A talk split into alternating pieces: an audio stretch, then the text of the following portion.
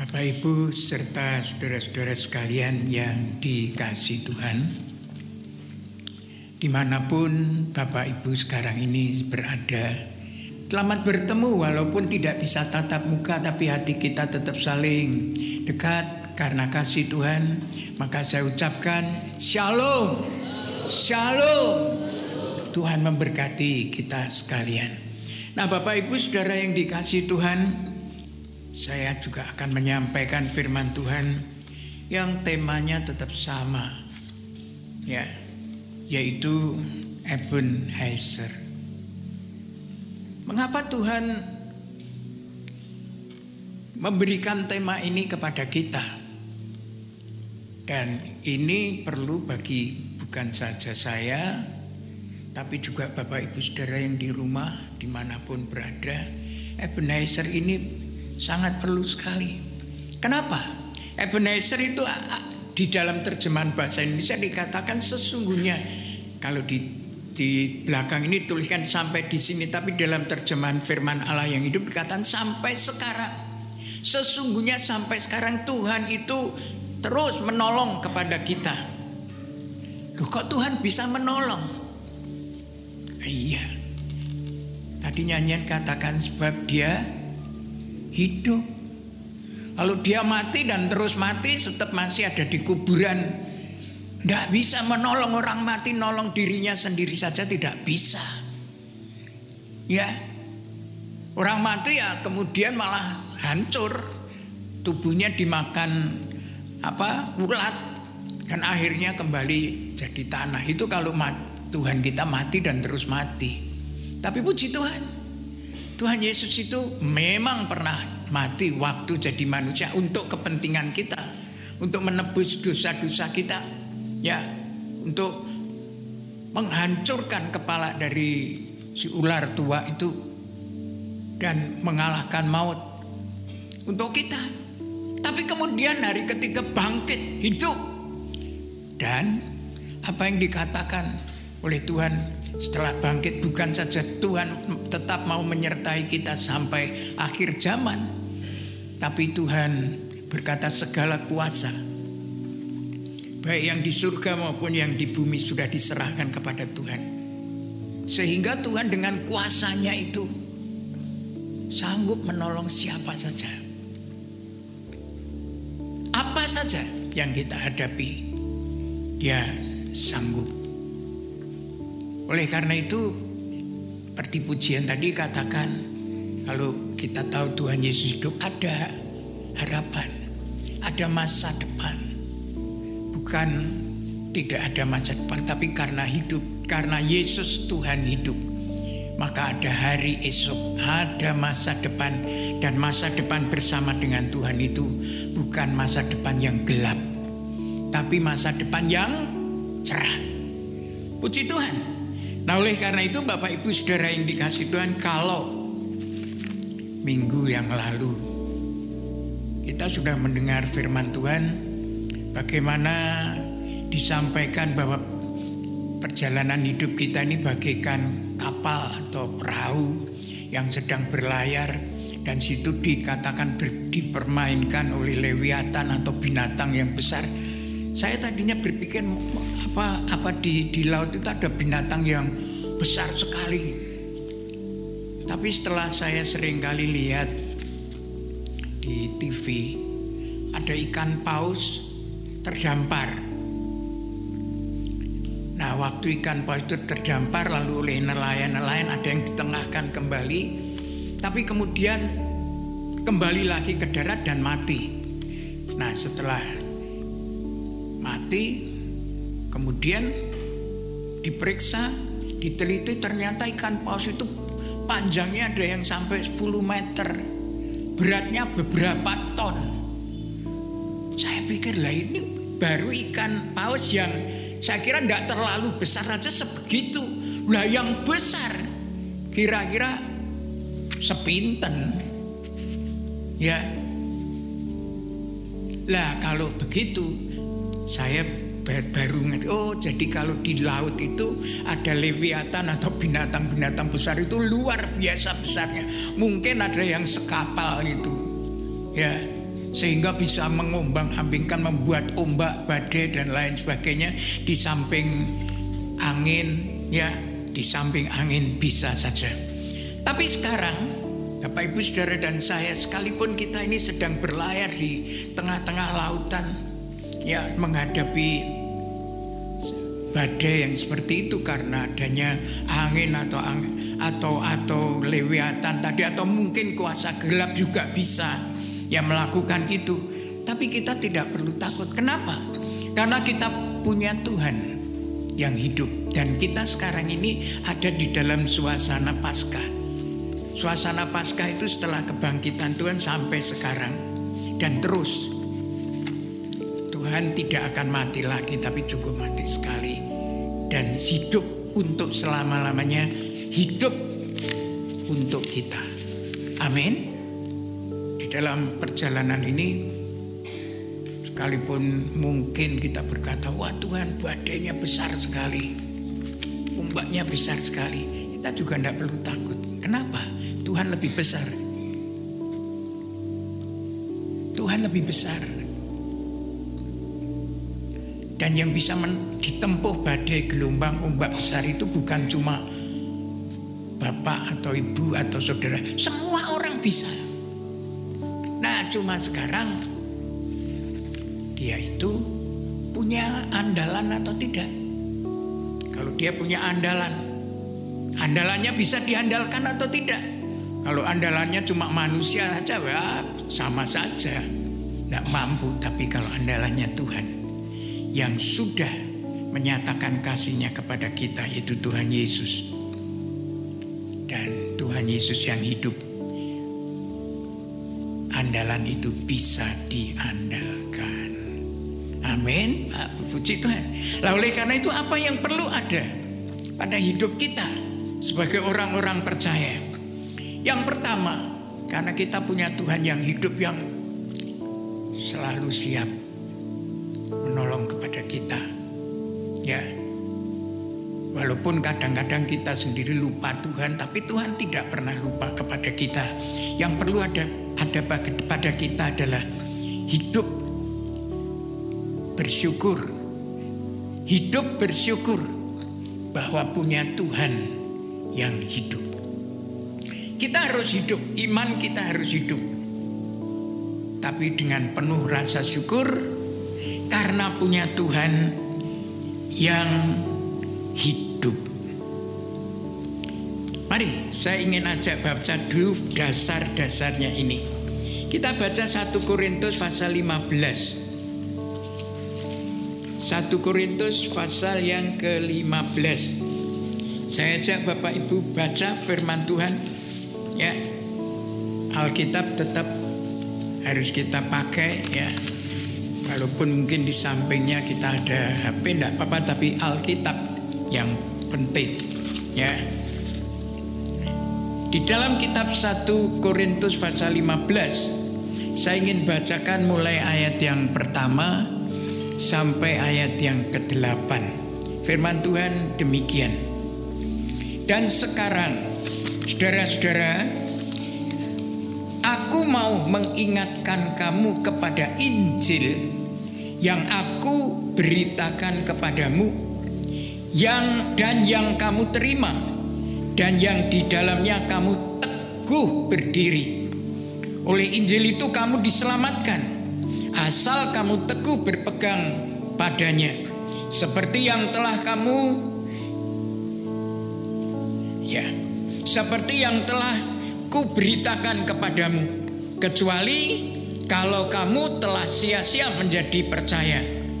Sebab yang sangat penting telah kusampaikan kepadamu, yaitu apa yang telah kuterima sendiri, ialah bahwa Kristus telah mati karena dosa-dosa kita, sesuai dengan kitab suci, bahwa ia telah dikuburkan dan bahwa ia telah dibangkitkan pada hari yang ketiga sesuai dengan kitab suci bahwa ia telah menampakkan diri kepada Kefas, kemudian kepada kedua belas muridnya. Sesudah itu menam, ia menampakkan diri kepada lebih dari 500 saudara sekaligus kebanyakan dari mereka masih hidup sampai sekarang, tetapi beberapa di antaranya telah meninggal. Selanjutnya ia menampakkan diri kepada Yakobus, kemudian kepada semua rasul-rasul. Dan yang paling akhir dari semuanya ia menampakkan diri juga kepadaku sama seperti kepada anak yang lahir sebelum waktunya. Lalu kita baca satu ayat, satu dua ayat lagi, yaitu ayat yang ke-13. Ayat yang ke-13. Demikian firman Tuhan. Atau dimulai ayat 12. Jadi bila mana kamu berita, kami beritakan bahwa Kristus dibangkitkan dari antara orang mati, bagaimana mungkin ada di antara kamu yang mengatakan bahwa tidak ada kebangkitan orang mati? Kalau tidak ada kebangkitan orang mati, maka Kristus juga tidak dibangkitkan. Tetapi andai kata Kristus tidak dibangkitkan, maka sia-sialah pemberitaan kami dan sia-sialah juga kepercayaan kamu. Nah, Bapak Ibu serta saudara-saudara sekalian yang dikasih Tuhan. Berdasarkan firman Tuhan ini bahwa karena Kristus Tuhan itu sudah pernah mati. Benar, dikubur iya, tapi pada hari ketiga bangkit itu sesuai dengan Injil yang diberitakan Rasul Paulus yang dia dapat wahyu langsung dari Tuhan. Dan dengan demikian Rasul Paulus menyatakan Kristus benar-benar bangkit. Sebab kalau Kristus tidak bangkit, apa yang dia beritakan itu sia-sia. Memberitakan orang mati, nyerita ke orang mati, ya sudah dia mati akan terus mati. Tapi Kristus tidak mati terus mati. Pemberitaannya itu hidup karena apa? Karena yang diberitakan itu hidup. Kristus hidup. Tetapi juga orang yang percaya imannya kepada Kristus yang hidup. Imannya tidak sia-sia. Imannya tidak sia-sia. Yang memberitakan tidak sia-sia, yang menerima berita itu yang mempercayai tidak sia-sia. Sebab Rasul Paulus juga berkata kalau dia memberitakan Kristus bangkit padahal tidak berarti Tuhan Allah itu bohong. Karena dia dapatnya dari Allah. Dan Allah tidak mungkin bohong sama seperti manusia yang terus bohong-bohong. Huak-huak itu. Enggak. Tuhan tidak pernah bohong. Tuhan keliru bicara saja tidak pernah. Oh puji Tuhan. Dan kalau kita tahu bahwa di dalam Kristus pemberitaan kita, iman kita, bahkan kita yang sekarang bukan saja percaya tapi juga melayani, berkarya untuk Tuhan. Maka apa yang kita lakukan itu tidak ada yang sia-sia. Rasul Paulus juga berkata, kan karena Kristus itu hidup, maka biarlah kamu teguh ya Se sebab dengan kamu teguh melakukan itu jerih payahmu pengorbananmu doamu tidak sia-sia. Tidak ada yang sia-sia. Dan itu tentu bukan cuma dongeng cerita tapi harus menjadi kenyataan ya. Bapak Ibu Saudara saya sebagai seorang hamba Tuhan saya bukan cuma memberitakan tanpa mengalami iman.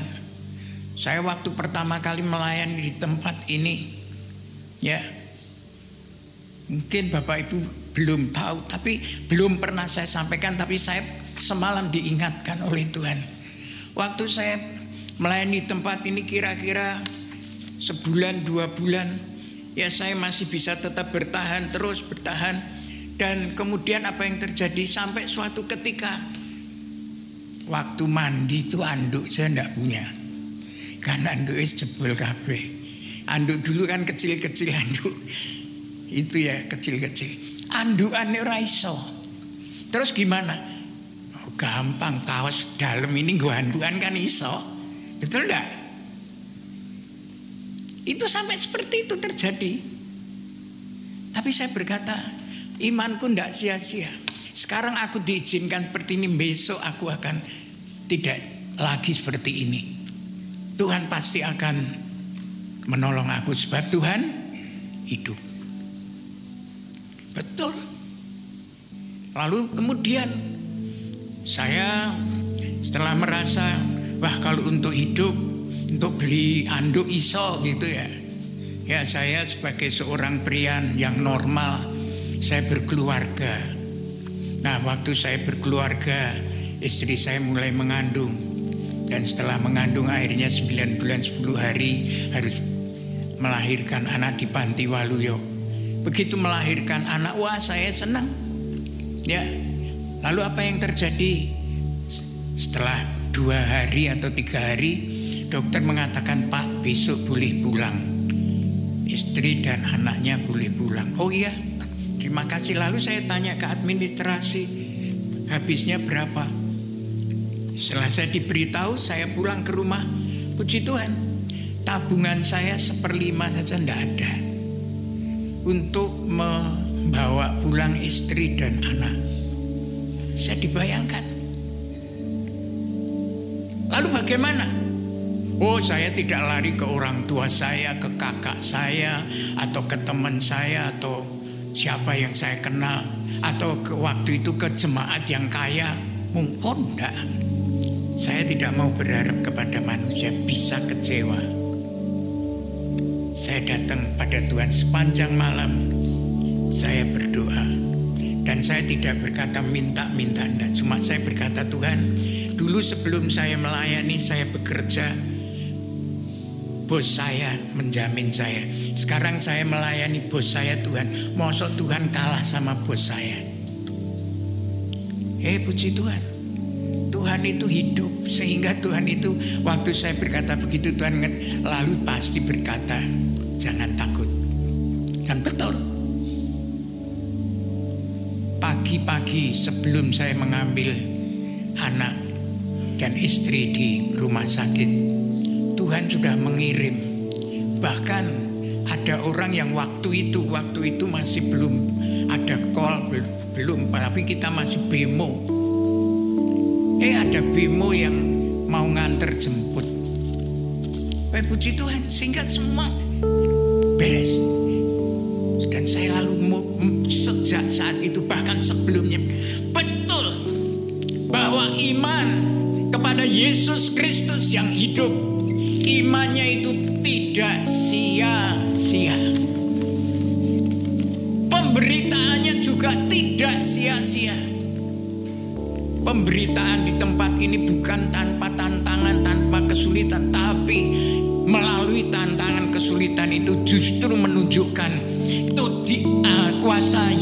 yang hidup itu ditunjukkan sehingga apa yang terjadi?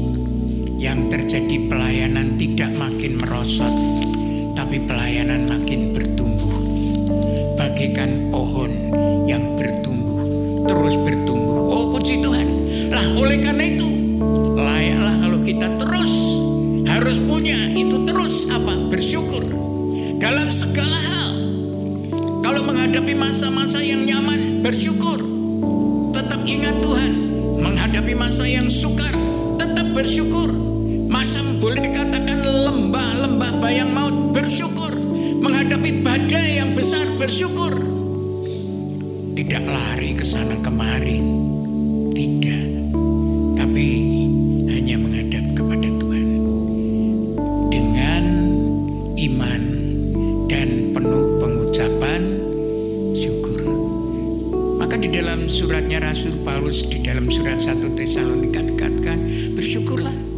Itu adalah kehendak Allah di dalam Kristus Yesus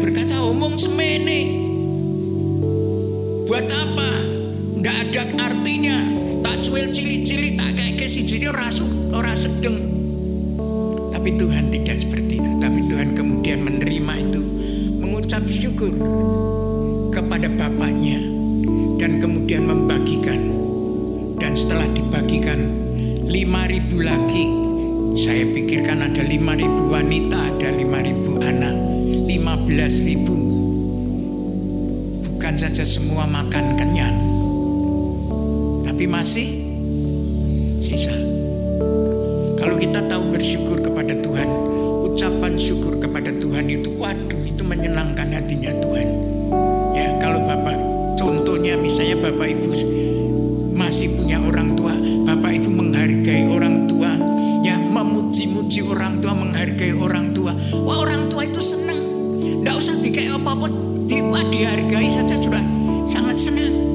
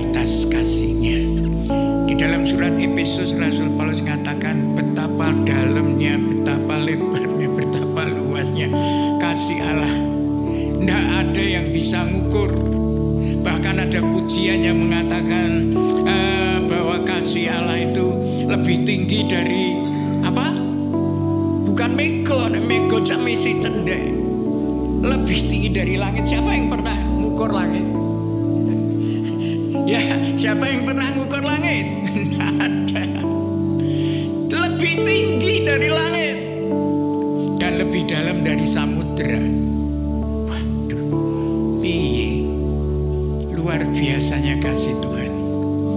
Dan kasih Tuhan itu bukan bukan bukan untuk Tuhan sendiri atau untuk kepentingannya diri sendiri. Kasihnya Tuhan itu justru difokuskan untuk kita manusia. Maka di dalam Injil Yohanes 3 ayat 16 karena begitu besar kasih Allah kepada isi dunia manusia, Bapak, Ibu, Saudara dan saya. Karena begitu besar except you could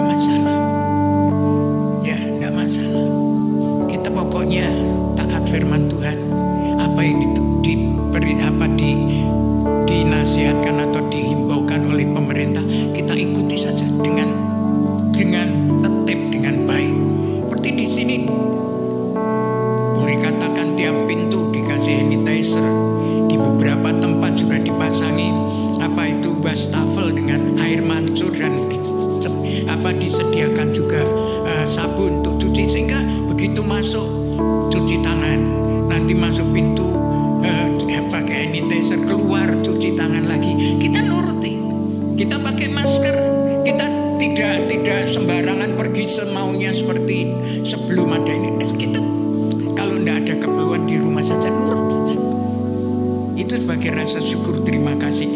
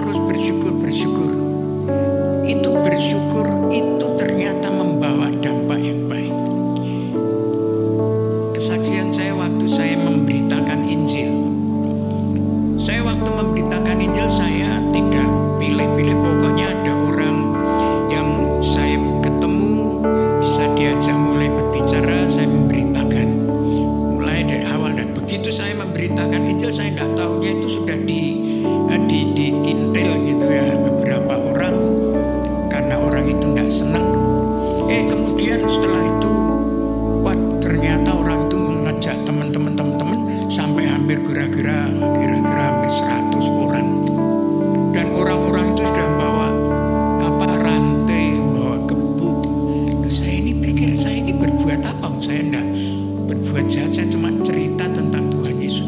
Tapi orang itu rupanya nggak tahu bagaimana dia seperti itu. Ya sudah, saya saya cuma cerita loh, saya cuma cerita.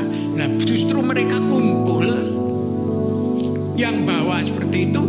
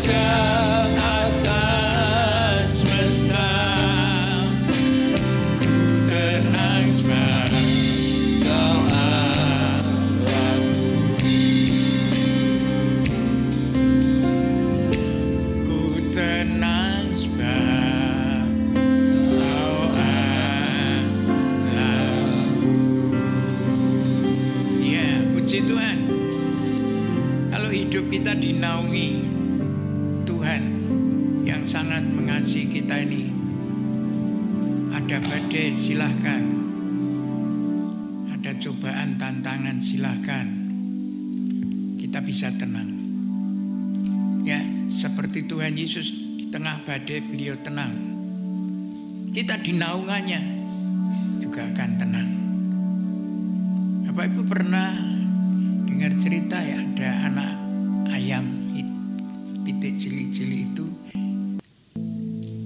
kalau dia itu dingeremi sama induknya walaupun induknya itu kobong karena rumahnya terbakar anak ayam kecil-kecil itu tidak bingung dia tetap di situ dia aman. Induknya mati tapi dia hidup. Karena dinaungi oleh sayap induknya. Nah yang menaungi kita bukan sayap ayam yang seneng ceker-ceker itu tapi yang menaungi kita itu sayapnya Tuhan. Yang maha kuasa. Puji Tuhan. Saya saksikan lagi. Pada waktu saya ini pergi saya bersama kedua anak saya naik motor. Satu saya gunceng di muka karena motor saya laki, ya. Satu saya gunceng di belakang. Eh di nusuan itu ditabrak bis dari belakang kalau motor ditabrak bis kan gimana? Bis itu kan besar, motor kecil. Waduh mencelat, motornya ringsek. Tapi puji Tuhan kok saya sama anak saya kok tidak lecet Itu karena dilindungi, dinaungi. Siapa? Ya, puji Tuhan. Itu pernah saya alami jadi pengalaman. Kalau katakan iman tapi tidak ngalami apa-apa, coba minta kepada Tuhan ngalami. Ya, misalnya, misalnya, oh saya ini apa ndak pernah ngalami mujizat kesembuhan ya loro sih. Ya kan gitu dah. Nanti kan lah nek ora tau loro dalam mujizat kesembuhan kon piye sang. Ya. Misalnya belum pernah ngalami kekurangan. Ya, kita minta minta supaya Tuhan beri. Lah kekurangan sih nanti kan Tuhan kasih. Lah itu buktinya tadi saya oh, anduan wiraiso nganggu aneh anduan nganggu apa kaos dalam. Tapi akhirnya sekarang anduwe double-double. Ya puji Tuhan. ya puji Tuhan. Ini yang kedua. Jadi lebih bersyukur lagi karena Tuhan itu kasihnya luar biasa. Dan kasihnya itu difokuskan kepada kita objek kasih Tuhan itu adalah manusia. Ya, bukan yang lain-lain, tapi manusia. Malaikat jatuh dosa tidak bisa diampuni. Manusia jatuh dosa karena kasihnya Tuhan. Amin, Pak Bu. Tapi tentu jangan suka main dosa, ya, puji Tuhan. Lalu yang ketiga, kita lebih bersyukur lagi karena Tuhan yang begitu sangat mengasihi kepada kita itu Tuhan itu sangat-sangat peduli kepada kita manusia Maka di mana pun, kapan pun, dalam keadaan bagaimanapun Kita membutuhkan pertolongan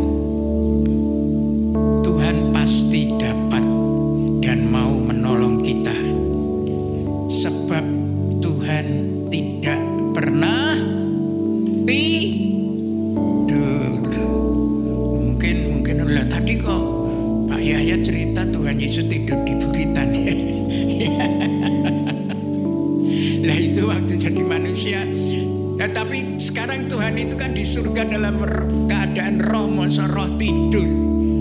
Ya, kan tidak mungkin. Ya, roh tidak mungkin tidur.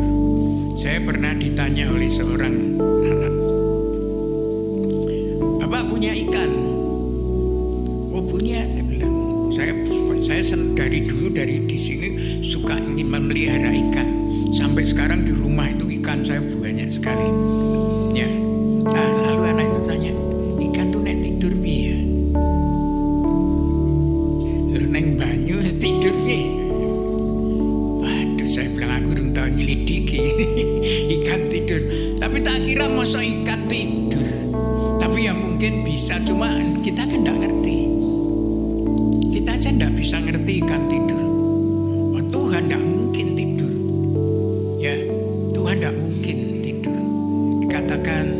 bahasa Jawa Gusti Tan Nate Sari.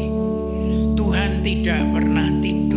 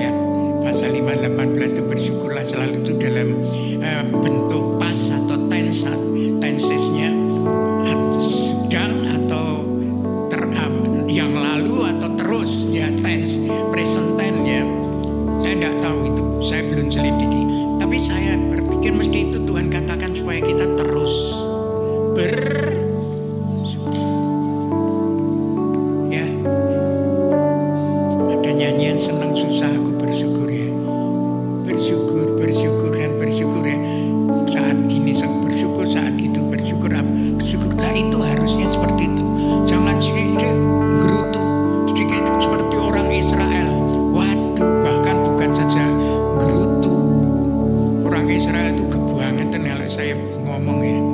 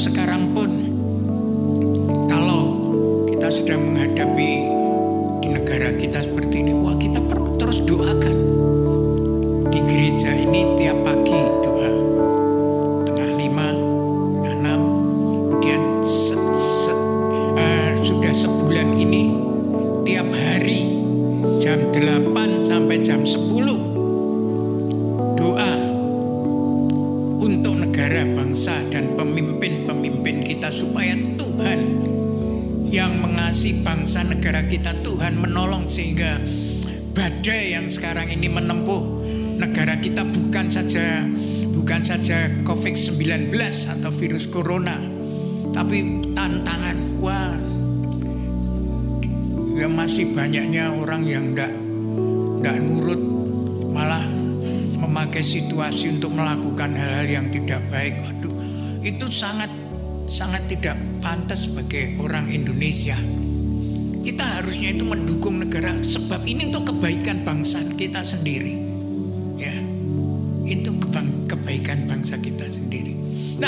Karena itu mari kita bersyukur. Cari kesempatan untuk mengikuti doa baik pagi, siang, bahkan malam pun ada cuma sekarang malam tidak sampai jauh malam karena suasana yang yang yang tidak aman. Sampai jam 8 hari Jumat ya. Kenapa? Karena kita mau bersyukur punya Tuhan dan kita mau me- me- mendukung negara kita yang sedang menghadapi badai agar supaya agar supaya badai ini cepat berlalu karena kita mengharapkan kepedulian dari Tuhan. Puji Tuhan. Ini yang perlu bagi kita bersyukur karena punya Tuhan yang hidup, bersyukur karena kasihnya, bersyukur karena kepeduliannya yang luar biasa.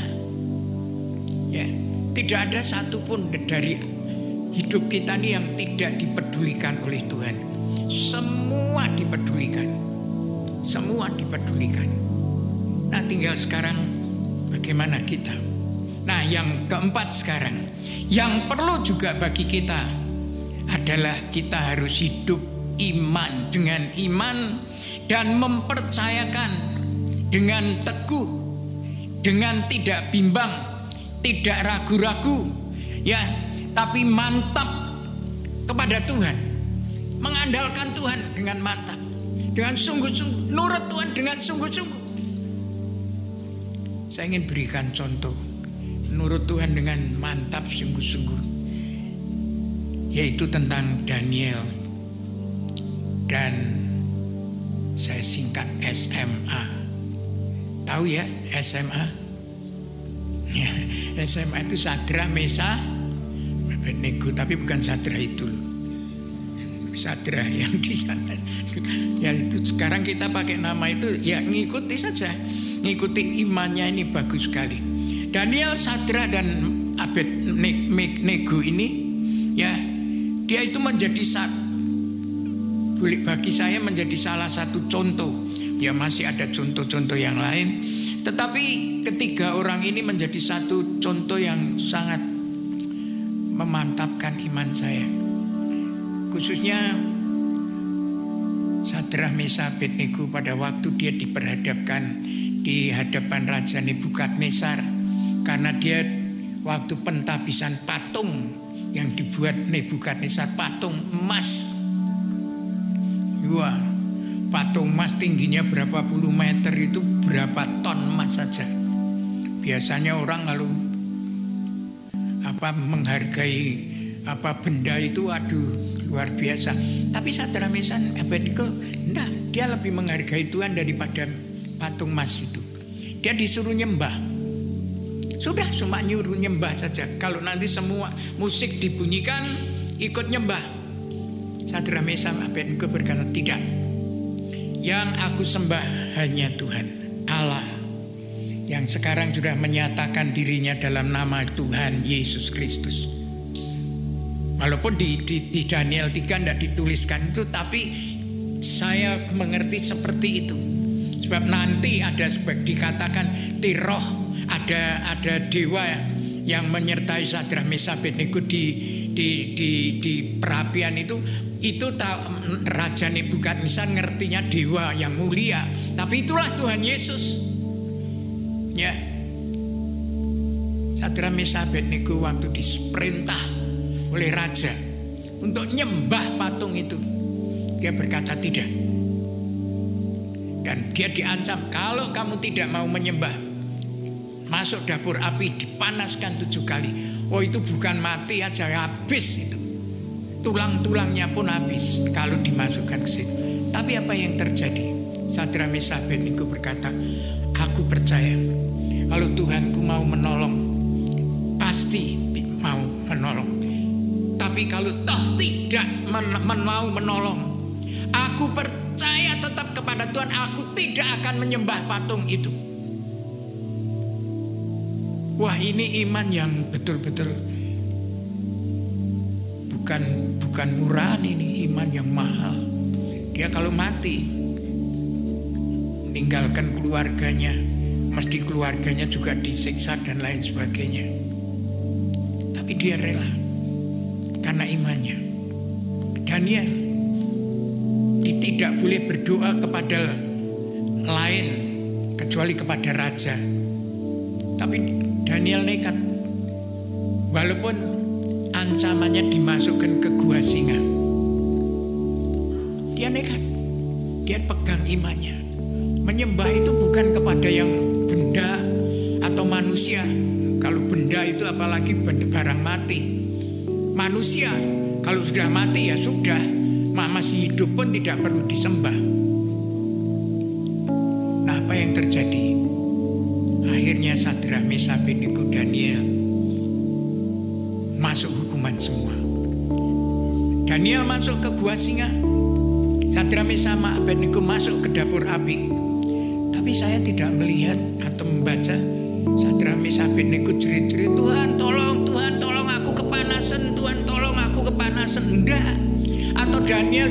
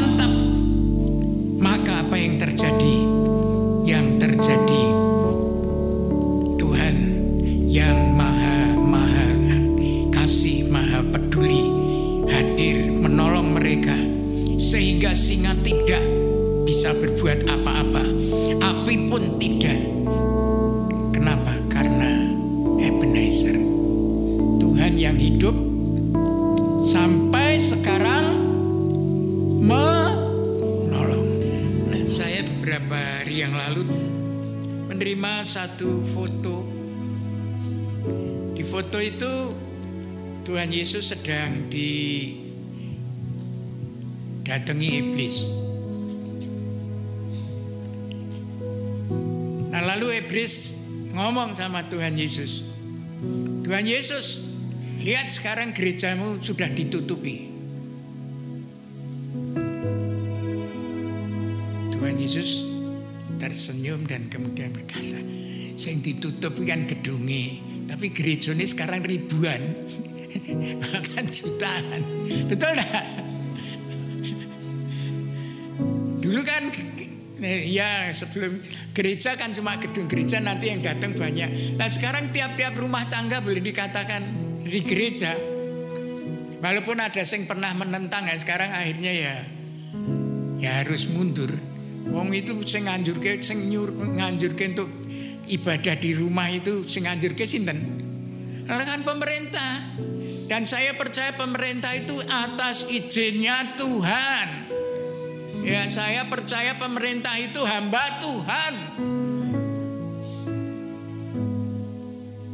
Ya, jadi pemerintah yang benar itu tidak akan merintahkan sembarangan.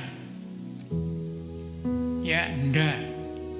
Dan pemerintah, oh puji Tuhan, saya dengar saat ini di beberapa gereja di Kartasura ini aja dibantu pemerintah. Mungkin ada bapak-bapak yang tidak tahu, tapi saya tahu. Ini ada beberapa gereja di Kartasura yang dibantu oleh pemerintah untuk mungkin ya juga peralatan-peralatan dan yang lain-lain. Wah saya berkata bersyukur pemerintah sebagai hamba Tuhan, pemerintah peduli kepada rakyatnya tidak pilih kasih. Semua dipedulikan. Oh, saya bersyukur. Maka kenapa kita terus mendoakan pemerintah? Karena pemerintah itu hamba Allah yang patut kita hargai, bukan dimusuhi. Ya, bukan dikhianati. Tapi dihargai. Apalagi pemimpin-pemimpin yang Tuhan sudah tetapkan, kita harus menghargainya. Amin. Amin. Si Tuhan, terima kasih. Ya, maka dari itu Bapak Ibu Saudara, waktu saya melihat apa itu foto itu saya berkata bersyukur. Gereja gedungnya aja ditutup, tapi gerejanya tidak pernah ditutup.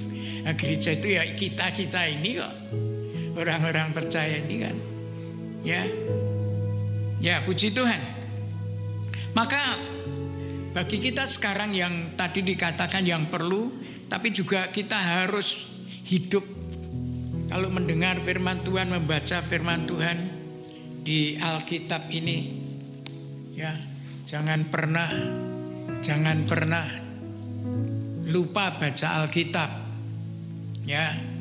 Jangan pernah Alkitab bukan untuk pajangan di rumah, tapi untuk dibaca, direnungkan, dipercayai dan dilakukan. Maka itu Biarlah kita hidup belajar sesuai dengan firman Tuhan. Menjaga hidup. Jangan ikut-ikutan dunia. Main-main dengan dosa. Berlaku jahat. Durhaka. Memberitakan berita-berita yang tidak benar. Jangan. Ya, jangan. Beritakanlah yang selalu menjadi berkat yang baik. Lakukan semua segala sesuatu yang baik. Karena kita sebagai bukan saja sebagai orang yang percaya kepada Tuhan Yesus Kristus, tapi juga sebagai bangsa Indonesia. Puji Tuhan. Nah, saya uh, terberkati satu ayat yang disampaikan oleh Pak Pendeta Timothy Subekti itu tidak tahu rektornya atau atau apa rektor atau apa? Pak Timothy Subukti. Oh penasihat di STAU Sekolah Alkitab Al Alfa Omega. Yaitu saya waktu mendengarkan apa yang beliau sampaikan. Nah dulu Pak Timothy Subukti itu waktu itu masih muda, usianya sama sama saya sampai sekarang ini sama, ya 78 tahun. Tapi beliau melayani di Semarang.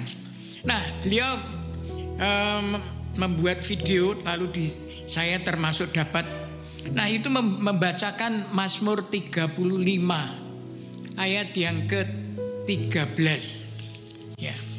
Mazmur pasal 35 ayat yang ke-13. Memang perterjemahan sini agak di, uh, berbeda.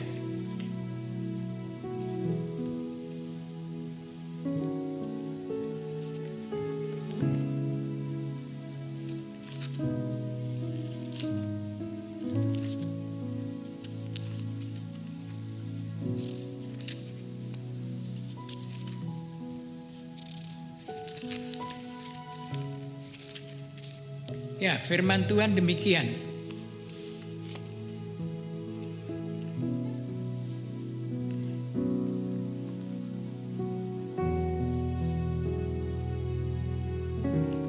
Tetapi aku ketika mereka sakit, aku memakai pakaian kabung. Aku menyiksa diriku dengan berpuasa. Dan doaku kembali timbul dalam dadaku. Nah ini beliau mengatakan kalau kita melihat negara kita sedang mengalami seperti ini, maka dia menghendaki supaya setiap kita ini memakai pakaian kabung itu artinya ikut mem, apa itu ikut mendukung dengan dikatakan bukan menyiksa diriku, tidak menyiksa um, merusak tubuh kita tidak tapi dengan doa puasa.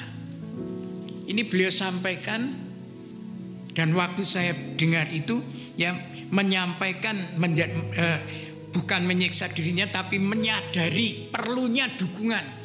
Doa puasa merendahkan jiwa. Jadi kita ini merendahkan jiwa jiwa kita hidup kita ini di hadapan Tuhan untuk memohon kepada Tuhan demi bangsa dan negara kita supaya hidup kita bagi anak-anak Tuhan di negeri ini di bangsa kita ini kita anak-anak Tuhan hidup jadi berkat. Bukan bangsa kita sakit malah sisan dilempah di batu. Bukan malah sisan di, di, ditambah sakitnya. Tapi didukung. Dengan apa? Bukan menyakiti diri tapi berdoa puasa. Memprihatinkan kalau orang Jawa katakan. Supaya kita menjadi berkat. Sebab dengan kita seperti itu, Tuhan yang sangat mengasihi kita, Tuhan yang hidup, Tuhan yang peduli itu pasti akan memberkati kita sesuai dengan apa yang Tuhan sudah katakan, yaitu Emmanuel dan Ebenezer. Sampai sekarang, Tuhan akan mau dan terus menolong kepada kita termasuk bangsa kita. Inilah firman Tuhan yang Tuhan berikan kepada saya untuk saya sampaikan, maka mari kita pertama menuruti firman Tuhan dan mari sesuai anjuran pemerintah manut manuto kepada apa yang disampaikan oleh pemerintah. Tuhan memberkati kita semua.